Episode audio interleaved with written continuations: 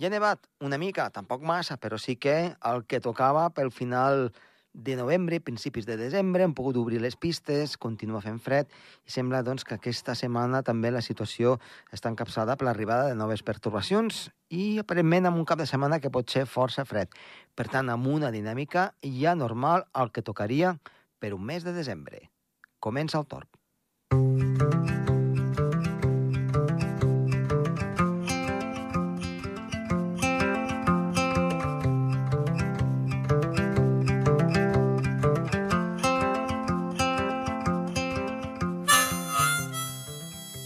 Avui en el programa tenim en Gerard Tauler que ens explicarà doncs, les anècdotes, eh, els problemes i les avantatges de buscar feina sent una persona que es vol dedicar a la meteorologia. Tot això ens ho explicarà ell. I també tenim en Roger Soler, que ens dirà una mica com hem d'utilitzar els espais naturals, en aquest cas, tant els d'Andorra com en el, en el que ell doncs, està una mica més situat, en aquest cas cap a Coixerola, i farem una mica de comparació entre els de Barcelona i els d'aquí d'Andorra. Comença el torn.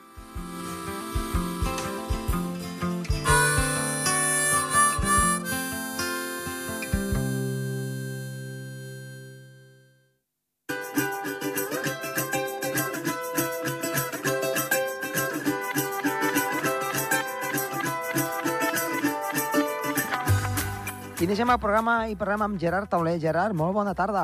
Hola, molt bona tarda, Josep. Avui quin tema ens portes? El temps, com trobar feina de metròleg als mitjans de comunicació. Ostres, això sí que és difícil, eh? A veure, com, com, com, com, com ho hem de fer? Mira, jo vaig anar a les jornades Fontserè el passat dissabte 26 de novembre Sí? i, i va ser això el tema, que és molt complicat perquè el món d'avui és molt volàtil, les feines no són per sempre, hi ha molta competitivitat, hi ha, hi ha molts de mitjans de comunicació, hi ha la globalització, no sé. Explica, explica tu com... com, com...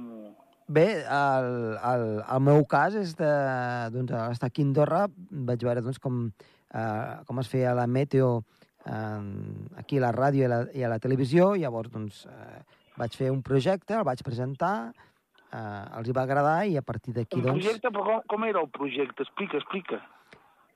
Doncs bé, eh, el projecte era simplement doncs, de, de uns quants... Eh, tenir uns quants mapes, en aquest cas, eh, per presentar una, una concatenació de... Mapes, de, mapes isobàrics, masses, mapes sinòptics de, de, de, de, de, de, de, Exacte. de símbols. Exacte, eh, I, tot això perquè, una clar, mica... el temps... En, va venir la, la Mònica Usart Uh -huh. amb, un, amb el debat i diu, clar, les aplicacions meteorològiques et diuen el temps que farà, però has d'explicar per què el temps fa. I, i, i clar, dir el temps que farà, per exemple, al Camp Nou, a, el partit de futbol del Barça és, és complicat perquè pot ploure a, un altre tros de Barcelona i en canvi el, el camp del Barça no plou o a l'inrevés. Doncs sí, mira, jo sempre explico una cosa eh, que crec que és prou important, que és, evidentment, amb totes les aplicacions del telèfon podem saber el temps que farà cada hora, però si hem d'escollir un moment doncs, adequat per fer una activitat, i aquesta activitat pot ser perillosa o pot comportar una pèrdua de diners, Sí, un, un risc, un risc. Un risc, meteorològic. per molt que tu vegis bé el telèfon o diferents aplicacions, les pots mirar totes. Però el factor humà, aquella persona que et pot dir tranquil, que es pot fer això, que no et plourà L'home fins... ta- temps, el comunicador. Exacte. Si no hi ha una persona que, que t'estigui al Que, no damunt, conèixer, que ha de tenir coneixements meteorològics, que ha de saber comunicar, perquè si té coneixements però no sap comunicar, doncs ha de la combinació perfecta. No? Exacte. I l'exemple que fico és el, és el següent. Eh, tu imagina't que vols saltar d'un trampolí eh? Sí. de, de 15 metres, que ja és una alçada Sí. considerable. Sí. I, I tu has mirat molts vídeos per YouTube de com es fa. I al moment de Sí. saltar dius que és molt fàcil. Però, clar, Sí. tu, tu necessites una persona al costat, per exemple, que sigui un entrenador i et digui, doncs mira, quan saltis, fes-ho com ho has vist tu, com, com t'hem ensenyat, i, i jo estic aquí recolzant-te i et dono seguretat. Doncs a les persones que ens dediquem a això donem aquesta seguretat a l'hora doncs, de fer les prediccions per a les persones que necessiten doncs, aquesta meteorologia Eh, eh, Hem de parlar amb concreta. un llenguatge pla- planer i assequible, no? i entenedor per tothom, no només per als experts, no? Sí, Per la gent de, també dels aficionats a la meteorologia, sí o no? doncs sí, jo crec que sí. Eh, no sé si tu creus el S'ha de mateix. fer un llenguatge en poc, poca estona, perquè sempre en Luis Mi Pérez sempre m'ho deia que allà a la cadena SER has de dir un missatge ràpid i, i, amb, i amb allò, com se diu, Entenedor. entenedor i, i sobretot amb, amb una paraula clau que, que, Eh, eh, que Escuet, pot... t'enganxi, allò, enganxo. exacte, que de seguida doncs, capti l'atenció no? de, de, dels oients o de, de les persones que ho estan veient per la televisió, eh, bàsicament. Sí, sí. sí. I tu quines conclusions en vas treure doncs, d'aquestes conferències? Home, doncs això, que ens hem de moure per trobar feina, no? Hem d'anar a trucar moltes portes, ens hem d'estar a formar contínuament, el món de la meteorologia és... Clar, és que és molt canviant, eh? Hi ha molts de models numèrics, que clar, s'ha de saber moltes coses, i, i s'ha de saber-les comunicar, i, i, i Jo et diria més, eh? eh? s'ha de, moure, vam fer un congrés a València la setmana passada, o fa, fa dues, sobre la comunicació meteorològica. Doncs, doncs això, s'ha d'estar a- als diferents, eh, d'això, al Twitter, al Facebook, no? Uh -huh. a l'Instagram, i, i seguir, doncs, les persones que en saben, no? els experts. Eh, de fet, tu, tu també pots considerar en aquest eh, aspecte un, un expert en la teva matèria. Ah, gràcies, a la climatologia urbana segur, eh? Ah, home, això, això n'estic plenament convençut, eh? Gràcies, Josep. I, i, i clar, eh, no és pas fàcil, perquè jo recordo, per exemple, doncs ara fa uh, uns anys de que les previsions, a més de 3-4 dies vista, eren impossibles de que ho poguessis ni mig encertar, i, i ara mateix, doncs, ja amb, amb aquests 4-5 dies vista tens un tant per cent més alt d'encerts que no pas doncs ara fa uns anys, no? I això doncs, va canviar molt ràpidament. A part de que moltes coses de les que fas servir a les universitats no te les ensenyen. Són coses que Sí, aprens hi ha després... moltes coses que les has d'aprendre per YouTube o, o per tu, pel teu compte. Has de ser autodidacta per Doncs amb aquest... formar-te. Mira, et diré que amb aquesta professió sí. Eh, tot i que pugui semblar que no, no, hi ha moltes coses que van sortint noves, eh, nous índexs, eh, eh, en aquest El cas... De... CAPI, el CIN, sí, sí. Exacte, que... Explica el teu, el teu d'això, el, teu, el teu WhatsApp, hi ha una cosa que el metròleg no sé què. Ah, sí, eh, que és l'únic ofici en què et pots equivocar cada dia. Et pots equivocar cada dia. La feina de, de temps et pots equivocar. És l'única feina que et pots equivocar cada dia. Jo crec no hi ha que- cap més, no? No, no, mm, Ni que... la de metge, la de conductor d'autobús, tampoc. no jo crec que, cap, que sàpiga no n'hi ha cap més, però jo crec que és, és, és una frase que em va agradar molt i me la, me la vaig fer meva. la meteorologia... Eh, eh, eh, És complicada. el que ens agrada, gaudim molt. Doncs sí, és complicada, però també té el seu punt eh, de, de romanticisme, diguem-ne, com, com es Sí, feia sí, abans, romanticisme, sí. sí. eh, i, però també amb la tecnologia d'avui en dia, que tot, eh, tot s'ajunta per fer una predicció cada cop millor. Doncs molt bé, Gerard. Moltes Molt bé. gràcies avui per doncs, aquesta tertulieta que hem fet entre els dos sobre eh, el temps, la meteo i a veure doncs, aquesta manera de poder treballar en, en aquest aspecte sobre el que és la meteorologia.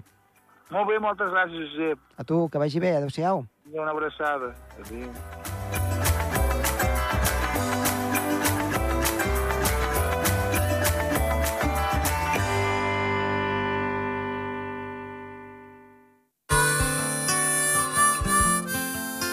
El Torb, amb Josep Tomàs.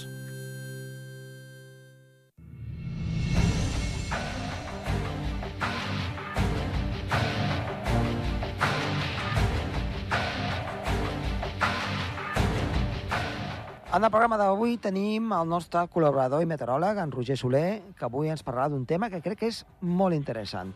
Roger, bona tarda. Bona tarda, Josep, com estem? Molt bé. El tema d'avui, doncs, crec que a molta gent se li ha passat pel cap i crec que ho ha posat en pràctica, que no res més de com hem actuat després de la pandèmia amb els espais naturals. Una mica anem per aquí, no? Doncs sí, és a dir, la pregunta que ens fem i tenim resposta és si consumim més natura, si consumim més aire lliure i si consumim més espais naturals en l'era de la, de la postpandèmia, no? és a dir, a partir del 2020, 2021, i la resposta als indicadors, als grans indicadors dels gestors dels espais naturals ens indiquen que sí. Darrerament hem conegut eh, un estudi, un indicador que ha tret el Consorci del Parc Natural de la Serra de Collserola i l'àrea metropolitana de Barcelona, que xifren, atenció, Josep, Uh -huh. en 6,4 milions de visitants durant l'any 2021. Es tracta d'una xifra rècord, d'una xifra eh, històrica de visitants, d'afluència, de concurrència, que supera tota l'estadística des de que es tenen dades i precisament coincideix en un moment de necessitat d'esbarjo, de necessitat de respirar aire lliure, postpandèmia, en què hem estat més d'un any amb restriccions, amb confinaments, amb estar dins de casa, i ara és un moment de sortir cap a fora, de valorar els espais naturals, de fer activitats a l'aire lliure, i des del Consorci i l'AMB doncs, mm, valoren aquest fet i expliquen que es fa, porten a terme diferents usos lúdics, esbarjo, usos lúdics, salut, esport, excursionisme, educació ambiental i activitats també on la ciència és protagonista, no? Doncs sí. Així doncs...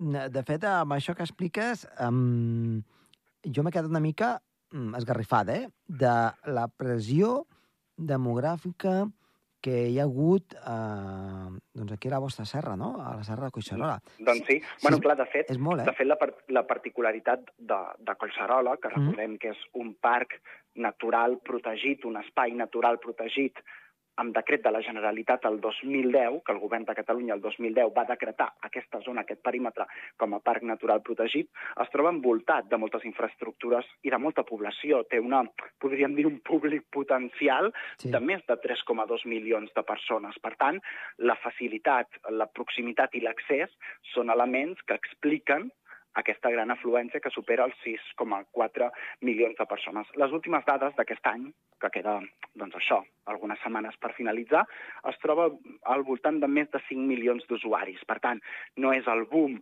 no és, diguéssim, el pic màxim del 2021, però sí que es troba per sobre igualment de la mitjana dels anys prepandèmia. Per tant, seguim consumint més espais naturals, més natura a l'aire lliure que no pas a l'era pre Covid, prepandèmia. I això, eh, el que deies, no? és important a l'apunt que em feies. Uh, quina pressió uh, tenen aquests espais naturals uh mhm. -huh. que probablement al Principat d'Andorra podem establir l'analogia dins, dins les proporcions de població que eh... són radicalment diferents, però sí que hi pot haver una analogia, una analogia en com conservem els valors ecològics, eh, la millora ambiental, la recuperació paisatgística d'aquests espais amb el gaudi responsable social de la gent. No? Podríem establir aquesta comparativa entre el Principat d'Andorra i aquest parc natural metropolità, oi? Doncs sí, um, si no m'equivoco, crec que el nombre de visitants uh, de l'any passat estava entre els 7-8 milions de, de, de persones al llarg de tot l'any. Um, venda de forfets, aquí sí que Eh, no ho recordo bé, però crec que arribava a més d'un milió de forfets eh, de dies de venuts. 7-8 de... milions et refereixes a tots els parcs naturals d'Andorra. Sí, no, més aviat visitants. Clar, molt d'aquests visitants. visitants, clar, ja es queden a la vall. Uh, fan compres, clar. passegen una mica, ja no van a, a l'alta muntanya. I després, clar, esquiadors i gent que va a l'alta muntanya, aquí ja disminueix molt més. No sé si s'arriba amb aquesta xifra, però deu estar bastant a prop.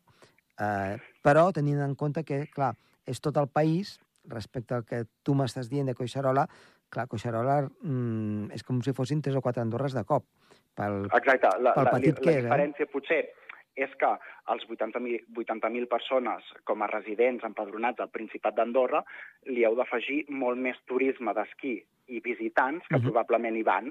En canvi, um, els visitants i la concurrència del Parc de la Serra de Collserola probablement siguin visitants autòctons de, de l'àrea metropolitana de Exacte. Barcelona, és a dir, gent que viu a les ciutats metropolitanes que accedeix a aquest espai verd, aquest espai natural ben a prop del ciment i dels, del teixit urbà, per dir-ho d'alguna manera. No? Com, com compatibilitzem aquesta gestió de l'ús social amb la preservació dels valors mediambientals? Doncs bé, en el cas de, de Collserola, l'àrea metropolitana de Barcelona, l'AMB, aquesta administració supramunicipal aprovada per la llei del Parlament de Catalunya 31-2010, és a dir, ja, ja fa 11 anys, uh -huh. 12 anys, 12 anys que l'AMB té una llei pròpia aprovada pel Parlament de Catalunya, doncs bé, una de les competències és la planificació urbanística i la planificació territorial va portar a aprovar, a redactar, tramitar i aprovar Eh, en diferents passos o tràmits el PEPNAT, que és un nou pla espacial. Tots els parcs naturals, tots aquests espais protegits, tenen una regulació, un marc jurídic. Doncs bé, eh, el Pla Espacial de Collserola venia del PEP, PEPCO, que era un pla molt antic d'abans dels anys 80, i ara s'ha renovat amb aquest nou pla espacial que precisament regula, reordena i reequilibra els usos socials, el gaudi de la ciutadania, l'esbarjo dels ciutadans metropolitans, amb la conservació dels valors ecològics, la millora paisatgística i la recuperació de la biodiversitat del parc. És possible? Sí. Es pot fer? Sí. Aquest és un marc, diguéssim, eh, de planejament que dona les eines per fer possible aquesta compatibilització dels usos precisament aquesta afluència que sabem que cada cop ha anat a més i que pot anar més al llarg dels pròxims anys amb la preservació dels valors ecològics. I precisament el PEMNAT, aquest nou pla espacial, proposa dues estratègies de reordenació, de regulació de l'ús públic uh -huh. en relació a la concentració de visitants. Com? Doncs, en primer lloc, reforça la xarxa d'infraestructures per a l'ús públic àrees d'esbarjo, zones de diferents activitats, que ho concentra a la perifèria del parc, el que anomena uh, precisament aquest pla, espai funcional. Clar, una, una mica, una mica uh, uh, el que nosaltres est estem fent aquí doncs, a la Vall de Sorteny i també sí. a Coma Pedrosa i, sí. i també a la Vall del Madrid. Una mica uh, doncs, en aquest aspecte informar uh, de on, on va el visitant i quines activitats s'hi poden fer. I també, exacte, eh? Exacte, i també regular i concentrar aquestes activitats a la perifèria per protegir les zones sensibles uh -huh. de l'interior del parc. I, per tant, es produeix una, diguéssim, desmassificació de zones interiors o del centre del parc, que són zones ambientalment ecològiques més eh, sostenibles i podríem dir eh, amb més eh, grau de protecció, i fas que els visitants no es dispersin per aquest interior del parc i es concentrin precisament a la zona de la perifèria on es millora la senyalèctica, es milloren els accessos i es potencia l'accessibilitat, que en diuen connectivitat social, a través de mitjans no motoritzats, com per exemple el transport públic, a peu o en bicicleta, per tant, una manera també sostenible d'accedir a aquests parcs naturals que es troben no, doncs, prop de, de la ciutat i, i a escassos minuts mm -hmm, de, de Barcelona ciutat. Sí, sí. Connecta directament eh, els barris de muntanya de Barcelona, diguéssim, amb el Parc Natural de la Serra de Collserola. Per tant, aquestes dues Una mica el que passa aquí, eh, també, a veure, amb, amb, amb, amb la diferència de la població, eh, però vull dir, clar, en 10 minuts estàs a qualsevol lloc de, de, de, dels parcs naturals que tenim aquí al país, eh? Doncs sí, i, i precisament un dels eixos eh, que vull comentar en relació a aquest ús social són l'educació ciutadana, l'educació ambiental, aquesta, aquesta participació dels visitants que també es converteixen en productors d'informació, en productors de ciència, d'observacions de la biodiversitat i ajuden a valorar, a conservar i a tenir-ne cura d'aquests espais. És a dir, que els propis ciutadans, els propis visitants i els usuaris del parc, ells mateixos també són protagonistes en la conservació d'aquests espais. Per tant, un ús públic molt enfocat en, en la divulgació ambiental que segurament el Principat d'Andorra també feu. Doncs sí, eh, i a part, a part eh, ara, ara doncs, a part tenim una taxa turística que mm. doncs, fa que tot això doncs, estigui una mica més regulat, eh, tant per la persona que vulgui anar a la muntanya com la que es quedi doncs, a, a, a comprar i a, i a passejar.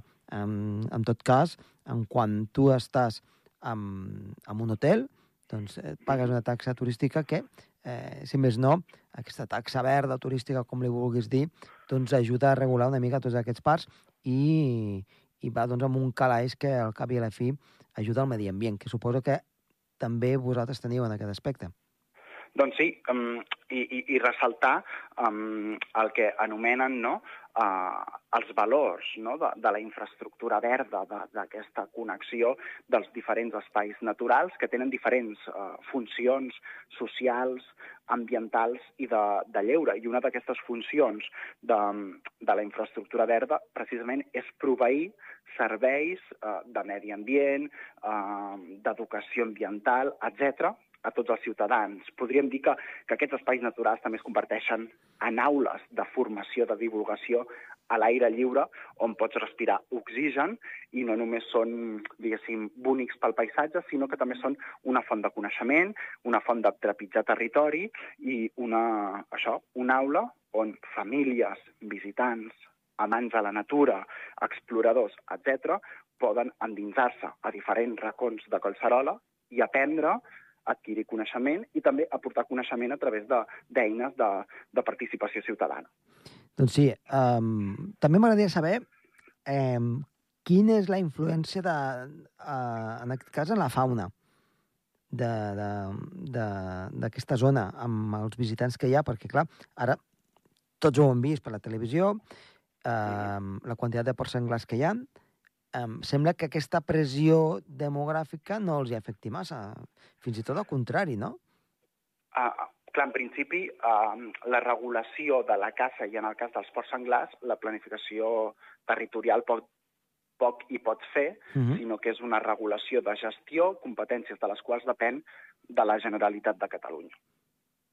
Per tant, aquesta, la situació que ara s'està donant um, continuarà igual, a no ser que doncs, hi, i es prengui una veurem, solució veurem definitiva. si el govern català, a través del Departament d'Acció de, Climàtica, Alimentació i Medi mm -hmm. Rural, capitanejat per la, Teresa, per la consellera Teresa, Teresa Jordà, estableix diferents accions, diferents actuacions o un full de ruta concret per intentar equilibrar aquest ecosistema de, de, de gran afluència de, de porc senglar. Sí, eh, és curiós, eh, perquè també aquí durant la pandèmia, per exemple, eh, a l'estar tots confinats, molts animals que estan a mitja i alta muntanya van arribar a baixar fins eh, als carrers, als carrers de, de moltes poblacions d'aquí del país, i se'ls podia veure doncs, tranquil·lament.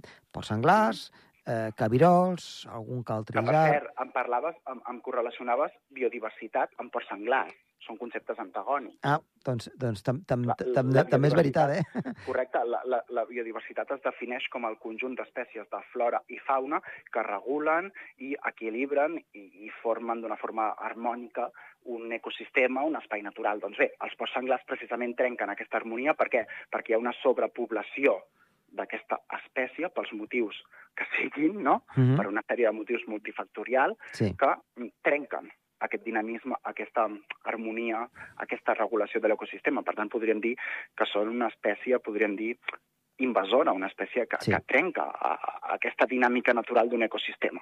Mm -hmm. eh, jo t'afegiré una cosa més, eh? I és que potser l'espècie invasora som nosaltres, eh? Que tren trenquem... en quant a, a població, trenquem tot el que és eh, natural, eh? i com a espècie sí, sí. invasora, eh? No, no cal dir-ho, eh? Que... És un altre punt de vista. És un altre punt de vista, però sí. mm, si ho mirem des del punt de vista dels senglars, ells pensarien que nosaltres som l'espècie invasora, eh? que, que ho hem, ho, hem, ho hem agafat tot. En tot cas, eh, Roger, eh, ens ha servit molt una mica per veure doncs, com hem canviat una mica aquests hàbits, uns hàbits que... I, i, i, un, canvi, I un canvi de paradigma de com consumim la natura sí. i un canvi de paradigma que demostra que la preservació ambiental, la millora paisatgística, però també l'ús responsable d'aquests espais naturals és compatible. Doncs sí, doncs sí, la veritat és que sí, i valorar més allò que tenim, que a vegades no ens en donem compte, i, i tots ho hem pogut comprovar en el moment en què ens hem de tancar entre quatre parets i ens priven doncs, eh, d'aquesta llibertat en el moment que la tenim, doncs es valoren molt millor les coses. Molt bé, i tant que sí. Doncs Roger, eh, moltíssimes gràcies per estar una vegada més aquí amb nosaltres i t'esperem una propera vegada. Fins la pròxima. Adéu-siau. Adéu-siau.